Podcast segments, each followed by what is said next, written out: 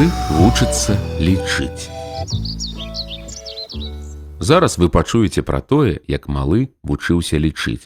Гэта было, калі ён лічыў для бабулі свае раны. Летам, калі малы з бацькамі прыязджаў да бабулі, яна амаль заўсёды сустракала іх словамі: « Малы, даражэнькі, як ты вырас!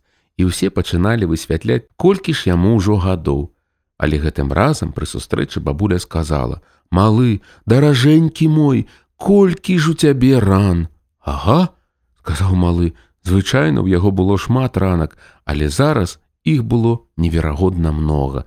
Ты ведаеш, колькі ў мяне ран запытаўся ён у бабулі. Не, адказала бабуля, і ён пачаў іх лічыць. Адна на каленцы. Тады я пабег па дарозе вельмі хутка ды упаў на павароце.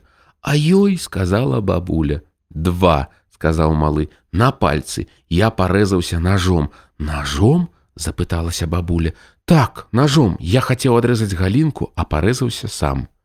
Любы мой, пашкадавала яго бабуля, парэзацца ножом.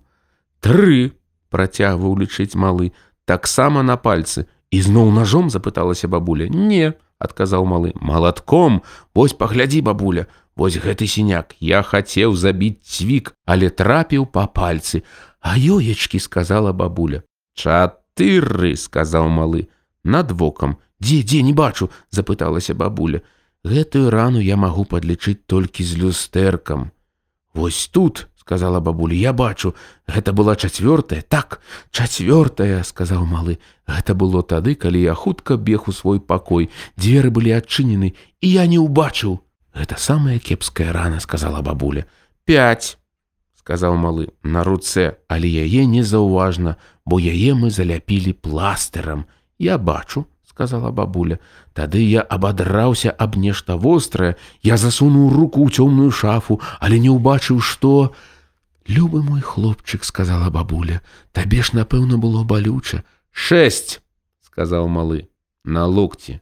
Ой, якая вялікая, сказала бабуля, на ровары, патлумачыў малы, і на другім локці таксама сказала бабуля. Сем, сказаў малы, таксама на ровары у мяне сем ран і ён яшчэ раз пералічыў іх усе. Адзін на каленцы, два на пальцы, тры таксама на пальцы, чатыры над вокам, пять на руцэ, шесть на локці, сем на другім локці. А вунь там спыталася бабуля, там вунь яшчэ адна, якая. А вось показала бабуля. Не, гэта мяне укусіў камар, сказаў малы, гэта не лічыцца. Такіх ранак у мяне зашмат і я не умею лічыць дагэтуль, тым больш, што ў мяне 100 камарыных укусаў. 100? Запыталася бабуля. Ці можа быць так шмат. У мядзведзіка таксама шмат, сказаў малы, у яго нават тысяча. У мядзведзіка запыталася бабуля. Хіба яго кусаюць камары? Кусаюць, сказаў малы, а яшчэ ён зламаў руку. Зламаў руку, запыталася бабуля і памацала лапу мядзведзіка. Здаецца, яна цэлая, зараз цэлая, сказаў малы, але яна не была цэлай, калі ён зламаў яе. А якой жа яна была тады, запыталася бабуля. Яна падзялілася на дзве часткі. А ёй, сказала бабуля. Мядзведзік караскаўся высока па лесвіцы, на якую нават мне нельга было залазіць, сказаў малы, і зваліўся уніз па прыступках і зламаў нагу. А ты ж казаў руку, сказала бабуля. Хіба я так казаў, сказаў малы і кашляну. Паслухай, бабуля, мы тут сядзім з табой і ўсё размаўляем.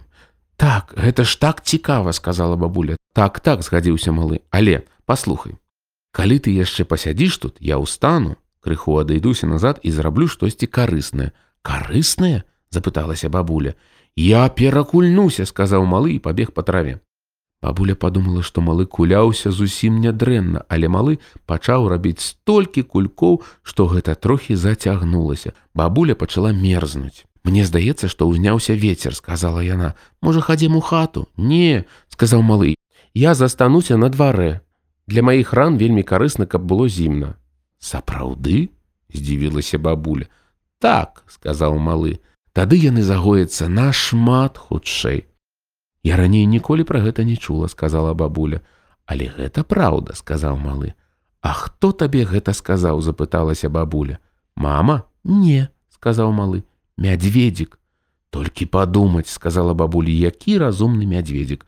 Бабуля пайшла ў хату, Малы пабыў яшчэ крыху на дварэ, зараз ён куляўся назад. Гэта было нашмат прасцей. Мама з татам і бабуля з дзядулем сядзелі на кухні ды пілі каву. У печцы гарэлі дровы, праз хвіліну забег малы. Якая лічба ідзе пасля сямі, запытаўся ён. Восем адказала мама.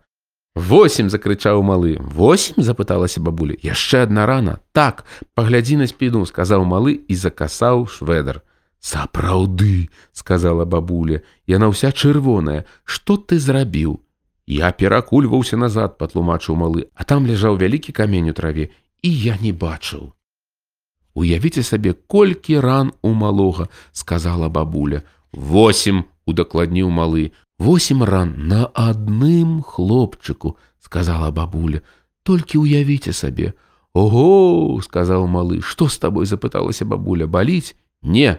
Ой, сказаў малы, што з табой запыталася бабуля, баліць? Не сказаў малы я хочу папісіць Ён хуценька выбег з хаты бо ў вёсцы ён звычайна рабіў гэта на дварэ ты нешта забыў закрычала бабуля і працягнула яму мядзведзіка можа ён таксама хоча на двор не сказаў малы яму не патрэбна ён пісе толькі адзін раз на тыдзень сапраўды вельмі дзіўны мядзведзік сказала бабуля малому падабалася начаваць у бабулі Яна звычайна доўга сядзела з ім, размаўляла, чытала казкі ды спявала.